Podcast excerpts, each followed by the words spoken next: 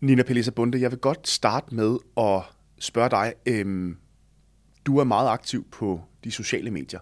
Hvor bevidst er du om din tilstedeværelse der? Jamen, nu sidder jeg jo her, og det er jo sådan set også et, øh, et socialt, så I er jo også et socialt medie. Og jeg får tit at vide, at, øh, at folk oplever, at jeg er sådan meget forsigtig og meget grundig, og tænker meget over, hvad jeg skriver. Og jeg vil faktisk sige, at det, det er stik modsat. 99% af de ting, jeg sender ud på sociale medier, det er noget, der falder mig ind. Noget, jeg har behov for at sige. Så lad det altid lige stå for en god ordens skyld. Øhm. Hvordan er K-News et socialt medie i dine øjne? Jo, men på den måde, at I, øh, jeg, jeg, altså jeg ser jo på LinkedIn, og jeg ser jo på, på, på de sociale medier, der gør jo reklame for jeres produkter, øh, og sender mig så ind i den faglige verden via de sociale medier. Jo ikke på de sociale medier, sådan at, at vi taler nationen og, og den, den vilde debat, eller sådan en lang faglig debat, men, men I har en kontaktflade til de sociale medier, derfor så anser jeg også jer for at være på, på de sociale medier. Og I burde også I kunne sagtens i højere grad også tiltrække de, de fagpersoner. Men for lige at runde spørgsmålet af, så lader jeg lige mit, mit tweet eller min, min, mit LinkedIn-post, eller hvad det nu er, det er de to platformer, jeg primært bruger, stå, og så ser jeg lige på dem. Det var egentlig det, jeg havde behov for at sige. Øh, også for ikke at, at, at skabe for meget støj. Og langt de fleste gange sender jeg det ud. Øh, og hvis man sådan har kan man sige, en, en, en savlig og lødig tilgang til tingene nede i maven, så kommer det jo også til udtryk i det, man sender ud på sociale medier. Så det giver jo sig selv.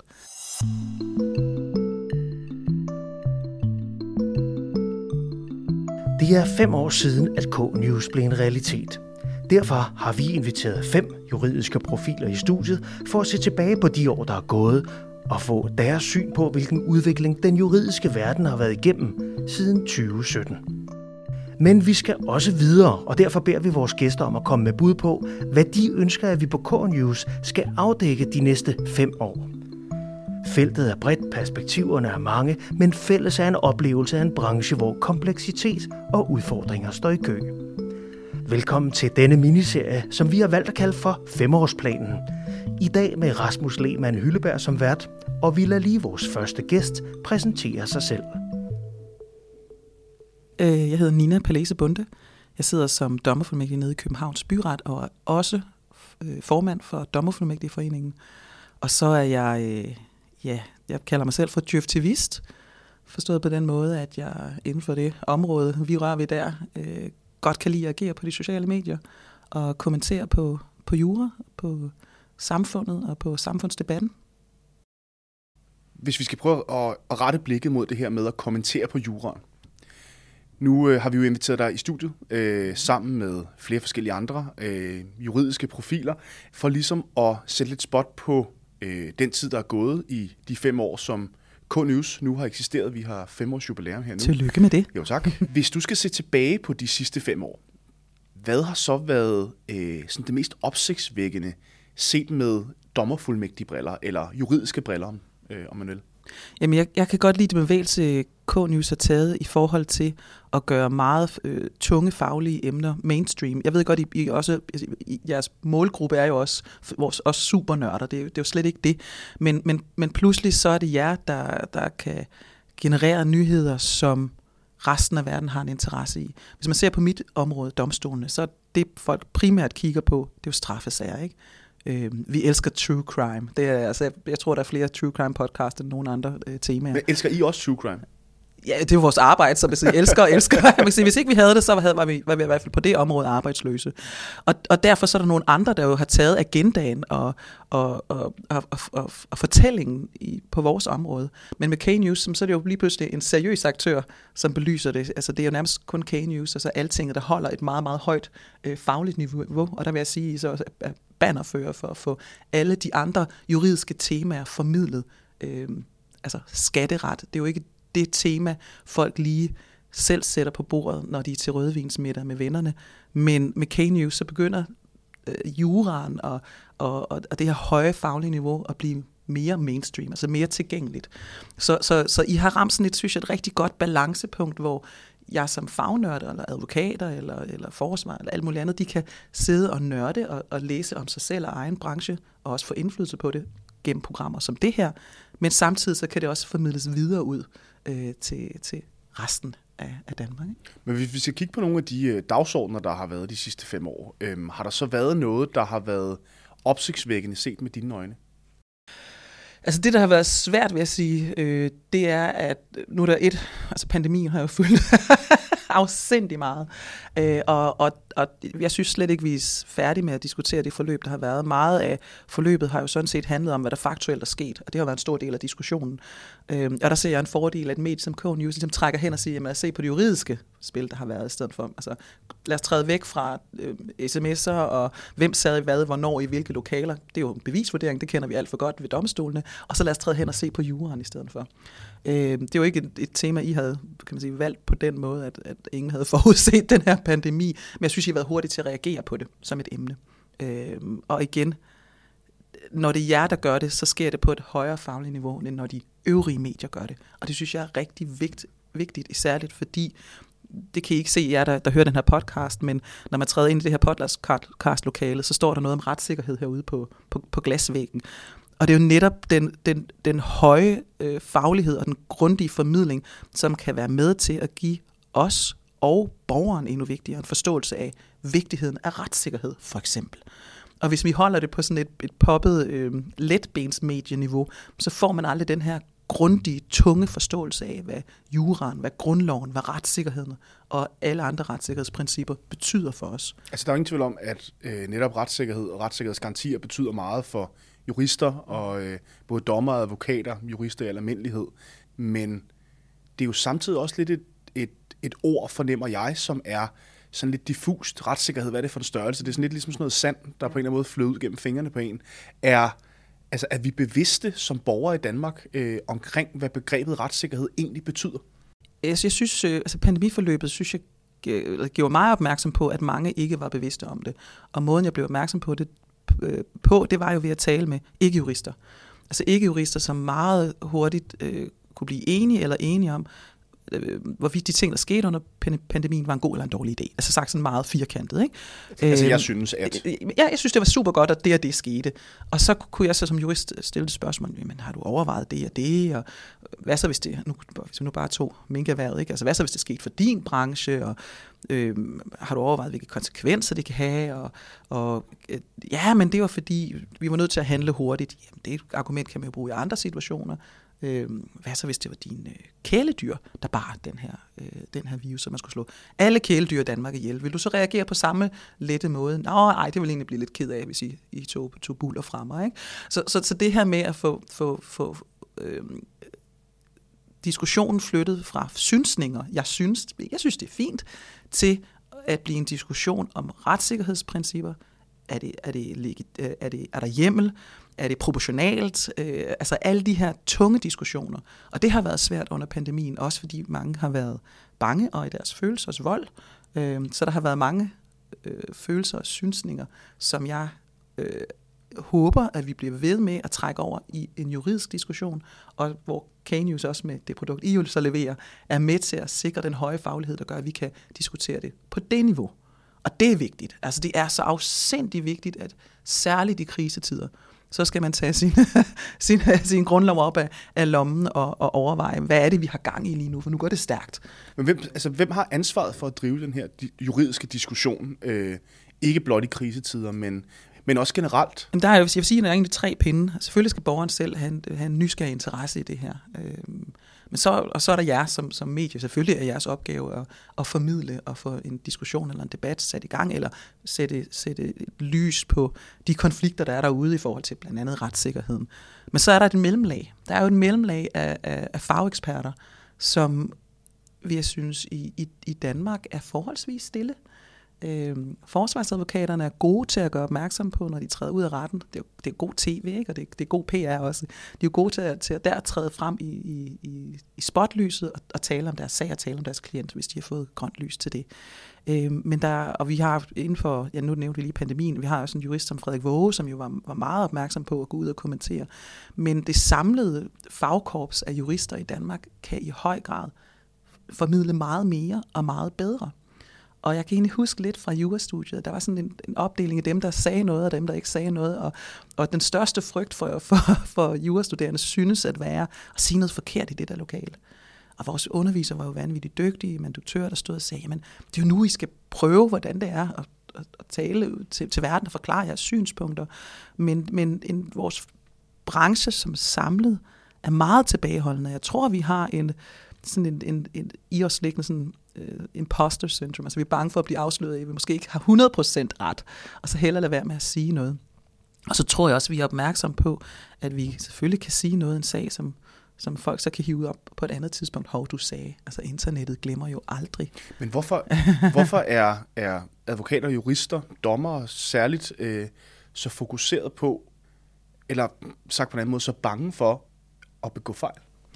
Jamen hvis, først, jeg skulle til at sige, hvis man først har begået en fejl, og det er sjovt, det ligger jo sådan set i mit system, at vi kan og, altså, uundgåeligt begår fejl. Det er jo hele Anke Kære-systemet. Altså, det er jo vel, altså hvis, vi, hvis ingen af os begik fejl, havde vi jo ikke brug for den her, den her ekstra, den her second chance. Så det ligger jo i vores system, at vi begår fejl. Øh, og, og, og det er jo meget naturligt, det gør alle mennesker. Forskellen er at, at vide, at det sker i systemet, og så et enkelt individ bliver afsløret i at have begået en, en, en specifik fejl.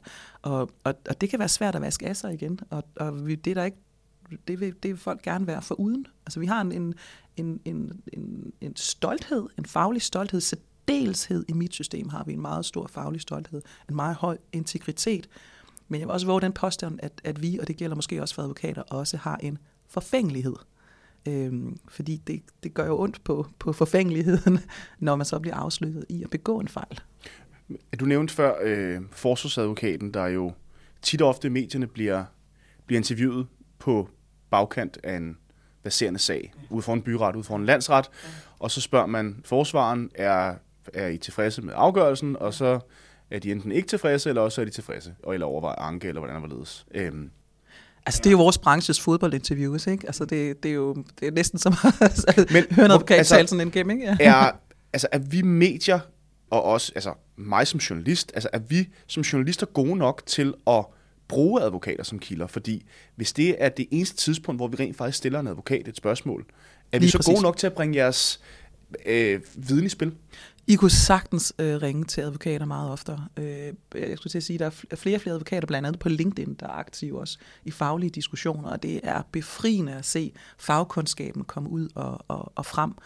Og, og, og medierne kunne i langt højere grad kontakte de her fageksperter, altså de her fagkilder, øh, ekspertkilder, det er bare svært, fordi det kræver også et, et, et ret stort forudgående benarbejde fra jer. I gamle dage, der havde vi jo altså deciderede retsrapporter, vi havde jo øh, afdelinger på, i mediehusene, som beskæftigede sig med, med, med, med, med jura, og så beskæftigede sig med, også med domstolene og retsstof.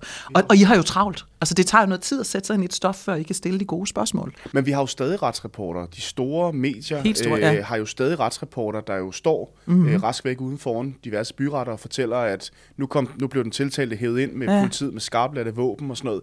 Altså, civiliserer vi hele det her straffesagerne, når det er den måde, vi går til det på. Når du selv siger, at vi for eksempel ikke giver os tiden til at, hvad skal man sige, at sætte os ind i sagerne. Og kontakte dem på et tidspunkt, hvor der ikke er run på. Ja, eller, eller vi skal stå ude foran mm. byret og have en vinkelbærende synk på, du ved, 3,5 minut. Øhm, altså. Der er en, jeg vil sige, der er en civilisering, men det bliver kun en problematisk civilisering, hvis det er den eneste dækningsform. Øh, man kan ikke undgå, at altså, I skal jo I sælge det produkt, I nu skal sælge, og borgerne elsker det. Altså, det, det, det, det True Crime podcast er jo nogle af de mest øh, lyttede podcasts, der er, og alt, hvad der handler om om, om ja, de her forfærdelige straffesager, det, det, det er bare i borgerens interesse, og, og det, må, det kommer vi ikke udenom. Øhm, men hvis det er det eneste fokus, der er, så bliver det en civilisering. Hvis det er opvejet af en grundig, faglig, juridisk gennemgang på et andet tidspunkt i mediet eller i andre medier, så opstår der en balance. Så kan man både have fascinationen, der gør, at folk drages mod det, og, og bliver nysgerrig og stiller spørgsmål til det og får diskussionerne derhjemme, samtidig med, at der er det materiale til rådighed, som gør, at de kan blive klogere og, og, og tage nogle tungere overvejelser derhjemme i hjemmet. Og det er vigtigt. Altså det er ikke, det er ikke nok kun at have, have, have splat, der skal også være, være, være bundklang i, i den dækning, der er.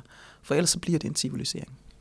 Er advokaterne gode nok til, eller juristerne gode nok til at gøre deres viden gældende? Nu nævnte du Frederik Våge før, der jo er, har været allestedsnærværende i forbindelse med mange en problemstilling omkring coronapandemien. Du er også selv meget aktiv, men kigger vi på mængden af juridiske eksperter i forhold til den samlede mængde af brugte eksperter, så altså tre ud af de 50 mest brugte eksperter var sidste år jurister, mandlige jurister. that is, så er, er juriststanden god nok til at gøre deres viden vi kan, tilgængelig? Vi kan sagtens blive bedre. Altså jeg vil sige, at vi er kun lige krasset i overfladen i, i forhold til der, hvor vi for, forhåbentlig bevæger os hen.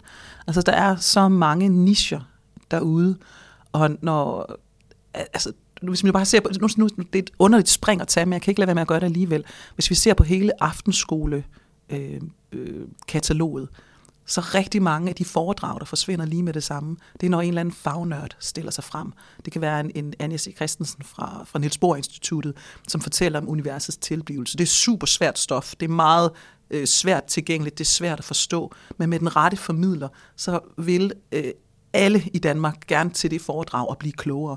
Og det samme gælder altså også jura, at det er tungt stof, det kan være svært tilgængeligt, men med den rette formidler, med den rette øh, fagekspert, så bliver det jo stof, folk gerne vil høre. Så vi skal have se. nogle flere advokater og højesteretsdommere, der har... Vi skal øve os i, men vi skal, vi skal øve os i at formidle, og det er vanvittigt svært. Altså det her med at tage det første skridt ind i, i, i mediernes søgelys, det er angstprovokerende. Og så vil jeg så sige til alle, der overvejer at gøre det, eller bliver ringet op og, og, og bliver spurgt, om de, de, de vil deltage i et interview, så er jo, altså medierne er jo øh, fair play. Altså det er jo ikke fordi, man, man, man hiver øh, folk rundt i managen eller udsætter den for en ubehagelig oplevelse. Det er bare at gøre det.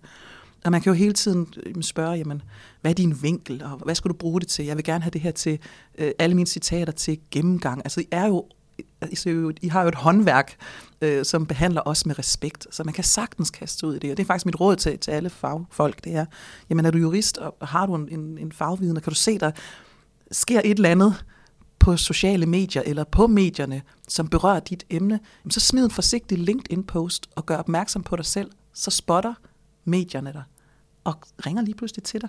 Man kan også godt, hvis der er en artikel med en, med en journalist, jamen, som berører ens, ens område, ens emne, så skriv til den og sig, ved du hvad, jeg har faktisk noget, jeg gerne vil fortælle dig om det her. For jeg ved faktisk, der sidder fageksperter derude, og nogle gange bider sig i læben og ærger sig over, at de ikke blev en del af debatten, og bidrog med den store viden, de havde. Og ugen efter, så er toget kørt, og så er det for sent, og så er der et nyt tema. Hvis vi skal øh, lige runde det her med de sidste fem år af, hvordan har den juridiske branche, eller den juridiske verden, så i din optik ændret sig, hvis man kan sige noget om det? Ja, på grund af pandemien, så havde vi sådan, så, der, der var en bevægelse, så stoppede alt, og så var der en bevægelse igen. Jeg, øh, jeg synes lige nu, jeg kan ikke engang sige de sidste fem år, fordi vi netop har haft den her afbrydelse, så den er, det, det gør det simpelthen for svært at, at se det som et samlet stræk. Men efter pandemien og efter genåbningen, så synes jeg, at alting går vanvittigt hurtigt.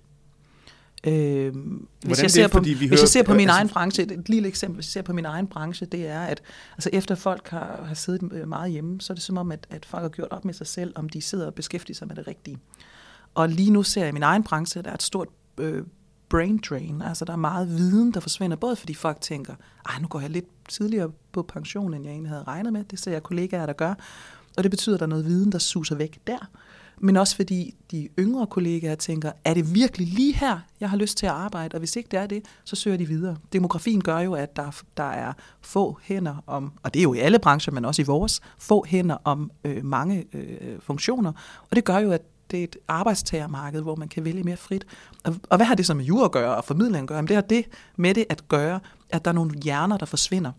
Og der er noget viden, der rykker meget rundt. Det vil sige, mange er et på deres arbejdsplads øh, nyere medarbejdere, end før, hvor man sad på den samme stol i 40 år. Og det tror jeg kan få en stor betydning for, for jeres, altså også K-News mulighed for at formidle, fordi hvor ryger fageksperterne hen? Går de på pension? Eller rykker de meget rundt i brancherne? Og det, jeg tror på sigt, så kan det blive sværere for os at finde de her mastodont tunge fagnørder derude, altså advokaterne med videre med, med meget, meget lang erfaring på deres område. Altså det kan på sigt godt gå hen og blive en udfordring. det og det betyder, at dem, der er, har en større forpligtelse til at gå ud og formidle. Men det er jo interessant, Nina, fordi øh, i forrige afsnit, der hørte vi Frederik Broen fortælle, at hvis man for eksempel som advokat ikke specialiserer sig, mm. så er man færdig. Mm. Men hvis den specialisering i den anden ende så forsvinder, der er, jo, altså, er der ikke en, altså en diskrepans her? Nå, det ved jeg ikke, om det er. Altså, hvis man ikke, det er jo sådan noget, noget, kan man sige, noget, sikkert noget fagteknisk i forhold til, at på et advokatkontor, der skal du specialisere dig, så du bliver den bedste, så man kan konkurrere, så man kan få kunderne, så man kan sende nogle Men det må regninger. vel også betyde, hvad skal man sige, ekspertise og viden? Helt sikkert, helt sikkert. Og specialisering, den er jo ganske fin, men hvis den specialist øh, sidder og ser ud mod horisonten nu, og tænker, jeg går altså tidligt på pension, fordi jeg har fundet ud af, at, at værdien i mit liv, det er også at se mine børnebørn. Det fandt jeg ud af under pandemien. Så forsvinder der jo noget ekspertise og nogle hjerner for os. Og det forsvinder også fra, fra, fra formidlingsfladen. Så vi skal være meget opmærksom på, at vi har, tror jeg, et vindue lige nu, hvor vi med den massive bevægelse, SoMe tager og medierne tager, skal have hævet fageksperterne ind nu at få fat i den, og få sat dem foran mikrofonerne, og sat øh, deres citater ned på papir, og få sat nogle diskussioner i gang, så der opstår med de eksperter, vi har nu, de modne mennesker, vi har nu, en kultur for at gøre det. Fordi hvis de nu bare suser ud, som de gør, går på pension, Arne pension, hvad ved jeg, jamen så forsvinder de. Og så er det sværere, tror jeg, med de, med de, med de nye kollegaer, der kommer ind, at skabe den kultur, at man også som fagjurist er en formidler. Fordi det er svært at bryde en, en, en kultur som den helt unge. Altså det kender jeg om nogen, hvordan det er. Jeg kan godt huske de første henvendelser fra, fra min, min, min skattede ældre kolleger, der sagde, Nå, så har du udtalt dig om det og det. Og så fik jeg jo sådan koldsved helt op ad nakken. Ikke? Og, og, og så valgte jeg så den vej, også fordi jeg har en forpligtelse som fagforeningsformand. Men helt konkret... Men, men det, det, det, er ikke, det er jo ikke alle unge, der har Nej. det. Så. Men helt konkret i forhold til brain drain og ekspertise, der forsvinder, øh, unges incitament til at arbejde, det er jo helt konkret, ifølge advokatbranchens, der er det jo en af de absolut største udfordringer, de står ved lige nu. Er det også en udfordring, I oplever i dommerværet? Altså det, det er her en med... kæmpe ja. udfordring. Altså det er en kæmpe udfordring. Altså hvis, vi, hvis jeg, altså vores eget system, som jo er det domstolssystem i verden, man måler på, der har den største tillid hos borgerne. Vi står nu, altså det er jo virkelig et sted, man gerne vil arbejde. Tænk at komme ind på en arbejdsplads, hvor vi kan sige, at vi er nummer et i verden. Det, det, det, det er ret godt. Og hvor vi før havde det sådan, at det var den nemmeste opgave, det var næsten venstrehånds opgave at rekruttere folk ind til domstolene, så har vi udfordringer nu, og det har vi både på grund af overgangenes størrelse, men også fordi vi ligesom alle andre offentlige institutioner jo er blevet presset benhårdt på økonomien. Øhm, det, det giver pres på medarbejderne. Rigsrevisionen har lige kritiseret vores sagsbehandlingstider. Det er ikke ens betydende med, at vi, vi ikke løber hurtigt, for vi spurter 100 meter løb hver eneste dag øh, i, i retterne. Man kan ikke se det, hvad der foregår bag retssalen, men lige bag retssalen er der jo en masse personale, som, som løber så hurtigt, som de overhovedet kan. Og forskellen er nu, synes jeg, før og efter pandemien der, før der havde folk en anden tålegrænse. Nu har folk det faktisk sådan, hvis jeg går på arbejde, jeg er offentlig ansat, lønnen er, som den er der, og jeg løber alt, alt for hurtigt, så jeg ikke kan følge med, så søger jeg et andet sted hen. Det har vi ikke oplevet før, og det giver en, også en ny form for brain drain. Ja, for vi har jo også en konkret situation lige nu, hvor at øh, sagsbehandlingstiderne jo bare er, de skyder bare i vejret, og det er både på straffesager, og det er på civile sager. Vi har hørt flere historier om advokater, der, forsvarsadvokater, der først kan få berammet deres, øh, deres sager om to år. Jeg talte med en advokat øh, for kort tid siden, der havde øh, altså, ført en sag over, jeg ved ikke hvor mange år, der havde over 100 retsdage over, jeg ved ikke hvor mange år. Ja, vi lige afsluttet øh, Operation Greed, eller sagen om Operation Greed. Øh, en stor sag om økonomisk kriminalitet i Københavns Byret. 165, tror jeg, retsdag var det. Det her, det er et ekstremt vigtigt område at have fokus på lige nu.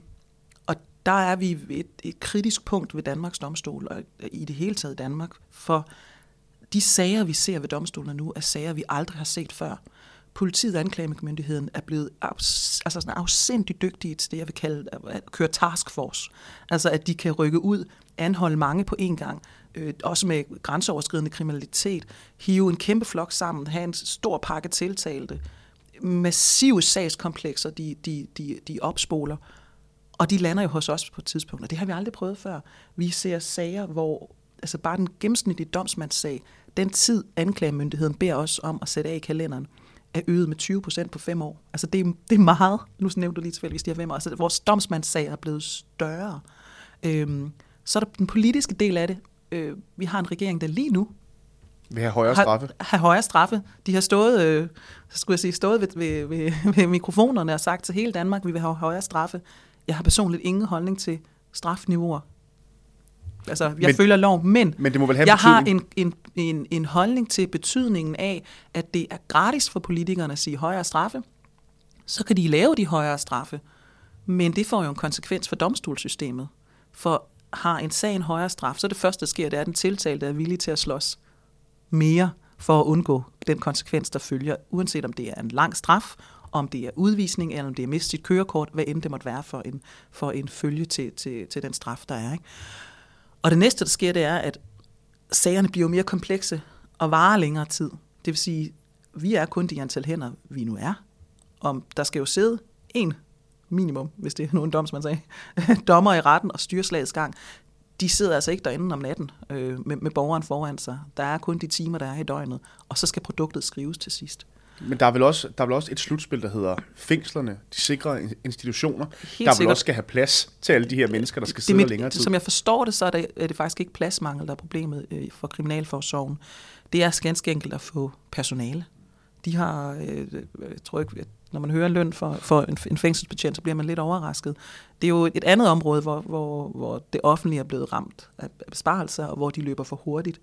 Og vi kan, jeg, har, jeg, kan, jeg har næsten ikke tal på, hvor tit jeg har oplevet, at jeg ikke kan gå i gang med en straffesag, fordi jeg mangler den tiltalte. Han sidder i et øh, fængsel i Ekskøbing og er ikke blevet kørt ind, som han skulle, for det var der ikke personale til, og det opdager vi først på dagen, hvor vi alle sammen er trummet sammen. Det ved jeg, at rigtig mange af mine kollegaer øh, nikker genkendende til. Men pointen med det her, det er, at der er et politisk ansvar for, når man siger rigtig mange penge til politiet, det er vi glade for, så kommer der nogle sager. Og så er der et hul ved domstolene, og nu så, og nok måske også kriminalforsorgen. Så sig, råber man højere straffe, øh, så skal man også tænke, hvad konsekvensen er for os. Men er Og det, løsningen... og, og, og det betyder jo blandt andet, at man skal være opmærksom på, at det kræver flere, flere dommer også at håndtere de her sager. Men er løsningen bare flere penge til domstolene? Jeg, jeg, jeg er sådan lidt underlig type, fordi spørger, jeg tror, hvis man spørger dommerforeningen, så vil de sige ja, og jeg vil sige ja, men det helt store problem er sådan set, at mange af de penge, vi har fået igennem tiden, det har været midlertidige bevillinger. Øh, det betyder blandt andet, at der er en afdeling i landsretten, som har været midlertidig i ni år. Hvis du forestiller dig, at du blev forlænget dit job hvert år af ni omgange, hvordan du vil planlægge din tid. Altså, jeg, har været, jeg, har været, jeg, jeg har været i tv-branchen, der var det på månedsbasis, ikke? det er også, altså det, du ved, hvordan det påvirker ja. en. Det skulle helst ikke være sådan, at, at dommere har det, men sådan er det. Der findes afdelinger derude, og der findes bunkebekæmpelsesdommer ude ved byretterne, som er midlertidige ansættelser. Og det ene, det betyder, det er, at man kan ikke beramme længere i den afdeling end et år. Sådan er det jo. Der er ikke noget kalender at tage af, fordi vi har jo ikke pengene til næste år endnu. Hvis de så kommer, så kan vi begynde igen. Så man kan kun planlægge for dem på en meget, meget snæver ramme. Det er den ene del. Den anden del er, hvis man får en, en bunke bekæmpelsesdommer, for eksempel i Københavns Byret, så er pengene der jo midlertidigt. Og det, der sker, det er, at der er en dommerfuldmægtig, der rykker op i den stilling. De bliver konstitueret, det vil sige, de bliver placeret midlertidigt i den stilling. Og så lader man jo stillingen nedenunder stå tom. Altså den oprindelige stilling, den dommerfuldmægtig kom fra. Fordi hvis man fylder den stilling op, og bunke bekæmpelsespengene så forsvinder, så har man jo et underskud på budgettet. Så kan man jo ikke, så kan man jo ikke dække de to stillingers løn. Og langt de fleste byretter, de har faktisk et underskud på deres lønbudgetter. Så når jeg siger, ja, send flere penge til domstolene, så er det også noget med at sige, jamen, hvordan sender man penge? Nu har man lige forlænget vores øh, flereårsaftale øh, med et år. Vi skulle have haft en flereårsaftale nu. Altså ro på skulle vi have haft i flere år. Og nu har vi et til usikkert og midlertidigt år, hvor budgetterne er for det her ene år. Og det er en håbløs måde at få penge for i et system, som er så roligt og kontinuerligt. Du nævnte tidligere, øh, da du startede øh, på det her emne, at vi er nået et kritisk punkt for domstolene. Mm. Hvad betyder det helt konkret? Altså, er vi tæt på et decideret kollaps? Det kritiske består i, at når man har som en, vi havde en ret som retten i Glostrup, som skulle sætte civile sager i deres kalender en periode, og berammelsestiden var så lang, at Outlook, I kender altså Outlook, ikke kunne se længere ud i kalenderen. Og vi var 2025 eller sådan noget. Altså, Det er to ja. år. Outlook kan teknisk set ikke se længere ud end to år. Så det er sådan, at vi har ikke nogen kalender at sætte den i. Vi kan sagtens finde en dommer til dig om to år, altså en eksisterende kalender op i hovedet, men vi kan ikke få det i, systemet, i teknikken. Det er jo bare sådan en lavpraktisk ting.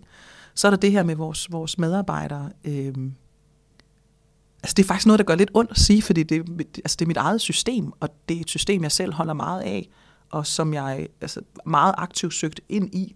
Så det er jo et, et system, jeg skatter, men altså Københavns Byret, der leder efter erfarne dommerfuldmægtige, og får nul ansøgninger på et stillingsopslag. Der står jeg der og tænker mig selv, er det noget, jeg skal tige stille med? For det er kritisk. Altså, det er ikke et, altså jeg synes, der er sket et rekrutteringskollaps, hvis man får nul ansøgere på et stillingsopslag på at få erfarne dommerfuldmægtige. til hovedstadens byret, den største byret i Danmark. Det er der, det kollaps, det er allerede sket. Så er spørgsmålet så, hvor hurtigt vi reparerer det kollaps, eller om vi lader det fortsætte videre i den retning. For det er kritisk, altså det er mere end kritisk. Øhm, og det, der, der er mange årsager til, at vi står, hvor vi står. Det er jo en, det er jo en flerhed af, af årsager, der gør, at, at, at vi er nået til det punkt. Men et punkt er den måde, man har set på, på domstolene på, bare som sådan en driftmaskine, øh, som skulle spares på, ligesom alle andre offentlige institutioner, og som hele tiden har fået vores bevillinger som delvis som faste bevillinger, men også sådan nogle små reparationspuljer. Øh, og når det her men, jeg faktisk lod stå for et øjeblik siden, når jeg siger, at jeg ligesom dommerforeningen og mange andre, jeg tror også advokaterne siger det samme, synes, der skal flere penge til vores system, så er det men, at det vi faktisk ikke har brug for, det er en kæmpe stor pose penge her nu. Vi har brug for altså vidshed. Så hellere få få penge stille og roligt stigende over en periode, så vi kan nå at få de rigtige medarbejdere ind, vi kan nå at oplære medarbejderne, vi kan nå at følge med, end det er bare at give os en kæmpe pose penge, og så vil vi for at sige livet ikke, ikke kunne få det implementeret ind i det rolige, langsomme system, vi er. Så, så, så hvis, hvis, hvis øh, politikerne stod med en sådan Joachim von And pose penge til os, så vil jeg sige, kan vi bare få vidshed om, hvilke penge vi har de næste mange år, og så en rolig stigning i vores bevillinger. Det vil være ideelt. Vi kunne tale meget om det her, og længe om det her, Nina, men vi skal også videre, vi skal nemlig også se fremad. Øhm, hvis vi skal se fem år frem, hvad er så de vigtigste emner i den juridiske verden set med dine øjne? Altså emnerne, det kræver næsten en, øh, en, øh, en spørgkugle, ikke? Øh, men jeg vil sige, at, at der er jo et emne på bagkant af pandemien, altså hele retssikkerhedsdiskussionen, som ikke, vi ikke må slippe endnu. Og vi skal næsten, skulle jeg til at sige, diskutere det til hudløshed. Vi skal, vi skal virkelig igennem den mange gange. Og det er ikke en diskussion, hvor vi bliver enige, men det er en diskussion, vi skal tage, så vi er rust, rustet til, skulle det ske, næste gang vi har en, en krise i vores samfund.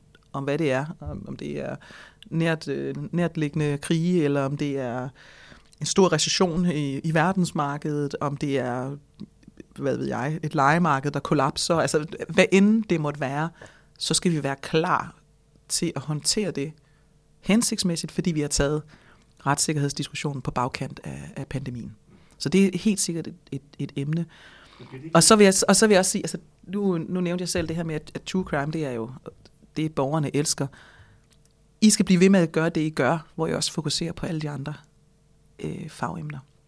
Det er ekstremt vigtigt. Øh, øh, så, så, så mere af det i, i meget høj grad, og, og, og en øget brug af, af de fagkilder, der er derude, er helt sikkert også vigtigt. Og så ser jeg, jeg ser jo gerne K-News som, som juristernes ritsav. Altså det skal gerne være jer, øh, alle de andre medier, citerer fra, fordi I har jo her i det her hus en fagkundskab, der gør, at I kan levere øh, øh på et højere niveau, end de andre medier kan. Altså, I har jo gjort, altså en, en journalist som du har jo gjort forarbejdet til at være klædt på til at, at tale om og formidle jura på et højt niveau. Så det skal I blive ved med, også nede i nicheområderne. Altså det, nu nævnte du selv, du havde skrevet, altså, øh, et, skrevet om skatteret for eksempel, at hvor, hvor lang tid det tog at forstå det system, inden du kunne begynde at skrive om det. Men den forståelse har du jo nu. Øhm, så, så et, Kanius skal holde på din viden. Giv ham en lønforhøjelse. øh, og to, siger fagforeningsformanden. Og to, så skal I blive ved med at formidle på det niveau, også nede på nicheområderne. Om der er sådan et bestemt fagområde, jeg skal kigge på, det kommer også an på, hvor samfundet går hen. Altså, lige nu er der jo god fokus på legemarkedet. Altså, det, øh, med de udfordringer, der er der. Det kunne være, at I havde et blik på fodretternes udsættelser lige om lidt, når folk ikke kan betale deres husleje. Altså, det er jo noget med at tænke den juridiske øh, fødekæde videre, så hvis øh, lejerne og lejerorganisationer siger, at vi har problemer med lejere, der ikke kan betale deres husleje, jamen så tænker I jo skridtet videre og siger, Hov, hvor, hvad er det næste, der så sker juridisk? Om det er jo, at de kommer i fodretten. Godt, så er der også, der har et fokus på det. Så, så det er noget med at tænke den juridiske fødekæde videre og sørge for, at K-News lige er et skridt foran. Øh, I stedet for at rette op på de andre mediers øh, halv, halsløje dækning, og så går I ind og siger, nah, nu skal vi lige give jer den grundige gennemgang. Ikke? Øh, jeg har lige givet dig et, øh, et orange stykke papir, Nina, øhm, og som med de andre gæster, så vil jeg også gerne bede dig om at, mens du skriver, selvfølgelig lige forklare mig, hvad det er for en overskrift, men, men, men hvis du skulle pege på, på en overskrift, som du synes, at vi her på mediet skal øh, dykke ned i eller dække, øh, hvad skulle det så være? Uh, du giver mig simpelthen en ønskeliste med ja. et ønske på. Ja, og den er helt gratis, og det er for, valgfrit for alle hylder. Yes. Jeg har emnet. Ja. Jeg skal lige se, hvordan jeg får det formuleret, så det, det, det er skarpt. Øhm. Jeg kan, jeg, kan jo ikke, jeg kan jo ikke lige negle. Ej, du behøver ikke lave okay. en, altså en journalistisk strammet rubrik. Nej, øh,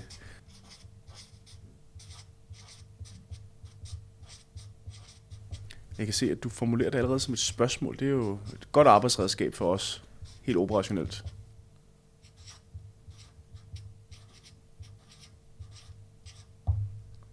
Bum. Interessant. Kan du ikke lige prøve at læse op, hvad det er, du har skrevet? Jamen, jeg har skrevet, hvad betyder mit køn for juraen? Hvorfor har du skrevet det?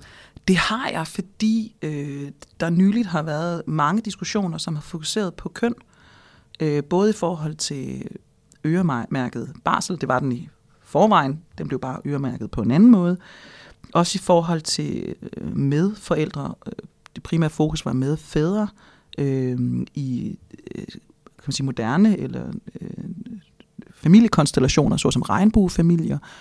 Og hver gang jeg har, jeg har siddet og set mediernes dækning af det, så har det forståeligt nok, fordi det har handlet om familie og børn, været meget følelsesladet, og der har ikke været så meget jura i det. Og der har simpelthen også været juridiske fejlslutninger i det, hvor jeg sådan, det er faktisk ikke rigtigt. I siger lige her, at der er en manglende ligestilling imellem øh, mænd og kvinder, men det er faktisk, fordi man ikke her ser på det juridiske i forhold til, hvilket køn du er, men hvilken forældrestatus du er. Så den her mand bliver faktisk ligestillet med en kvinde i et homoseksuelt forhold. Og der er juraen ens, for eksempel.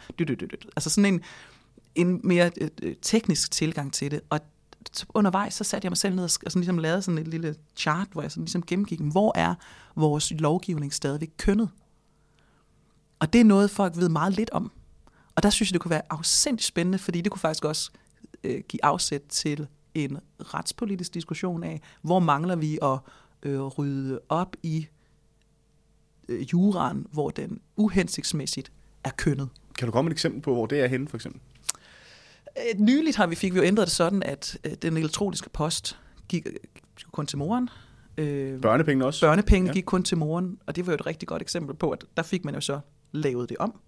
Øh, præsterne, det er helt nyt, at de nu går ud af, folkekirken går ud og siger, at vi skal ikke have øh, øh, mulighed for at omgå ligebehandlingsloven, sådan at vi kan lægge kvindernes øh, hvad hedder det, jobansøgninger til side, før vi præsenterer den for menighedsrådet.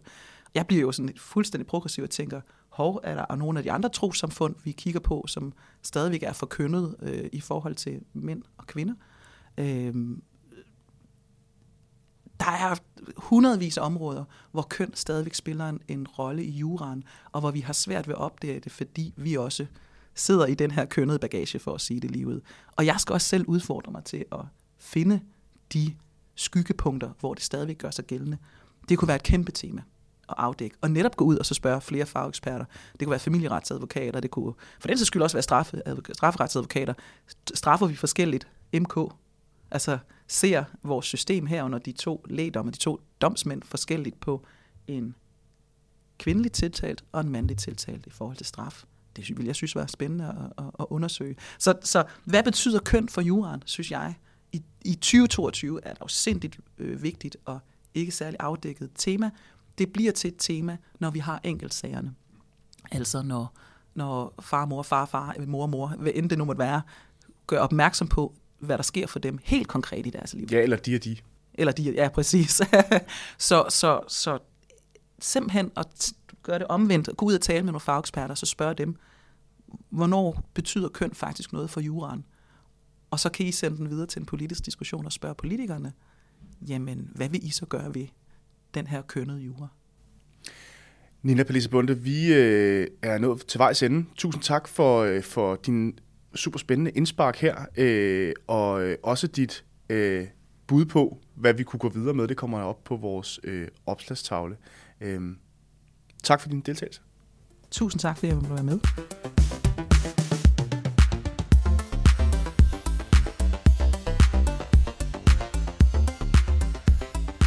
Lyttet til vores let jubilæumsmarkerende podcast 5-årsplanen. Din vært var Rasmus Lehmann Hylleberg.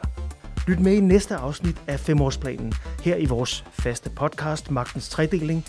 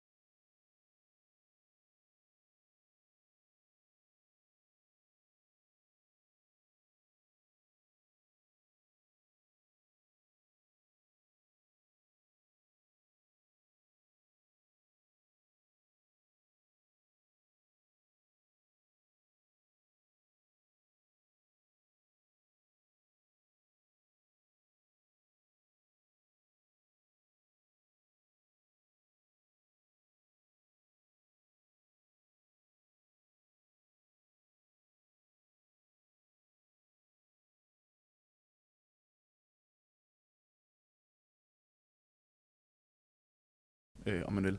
Jamen, jeg, jeg kan godt lide det bevægelse, K-News har taget i forhold til at gøre meget øh, tunge faglige emner mainstream. Jeg ved godt, I, I også, altså, I, jeres målgruppe er jo også, vores, også supernørder, det, er, det er jo slet ikke det. Men, men, men pludselig så er det jer, der, der kan generere nyheder, som resten af verden har en interesse i. Hvis man ser på mit område, domstolene, så er det folk primært kigger på, det er jo straffesager, ikke? Øh, vi elsker true crime. Det er, altså, jeg, jeg tror, der er flere true crime podcast end nogen andre øh, temaer. Men elsker I også true crime? Ja, det er jo vores arbejde, så hvis vi elsker og elsker. Man kan sige, hvis ikke vi havde det, så havde, var, vi, var vi i hvert fald på det område arbejdsløse. Mm. Og, og derfor så er der nogle andre, der jo har taget agendaen og, og, og, og, og, og, fortællingen i, på vores område. Men med K-News, så er det jo lige pludselig en seriøs aktør, som belyser det. Altså det er jo nærmest kun K-News, altså alting, der holder et meget, meget højt øh, fagligt niveau. Og der vil jeg sige, så er bannerfører for at få alle de andre juridiske temaer formidlet. Øh, altså skatteret, det er jo ikke det tema, folk lige selv sætter på bordet, når de er til rødvinsmiddag med vennerne. Men med K-News, så begynder øh, juraen og, og, og, og det her høje faglige niveau at blive mere mainstream, altså mere tilgængeligt. Så, så, så I har ramt sådan et, synes jeg, et rigtig godt balancepunkt, hvor jeg som fagnørder, eller advokater, eller, eller forsvar, eller alt muligt andet, de kan sidde og nørde og, og læse om sig selv og egen branche, og også få indflydelse på det gennem programmer som det her. Men samtidig så kan det også formidles videre ud øh, til, til resten af, af Danmark. Ikke?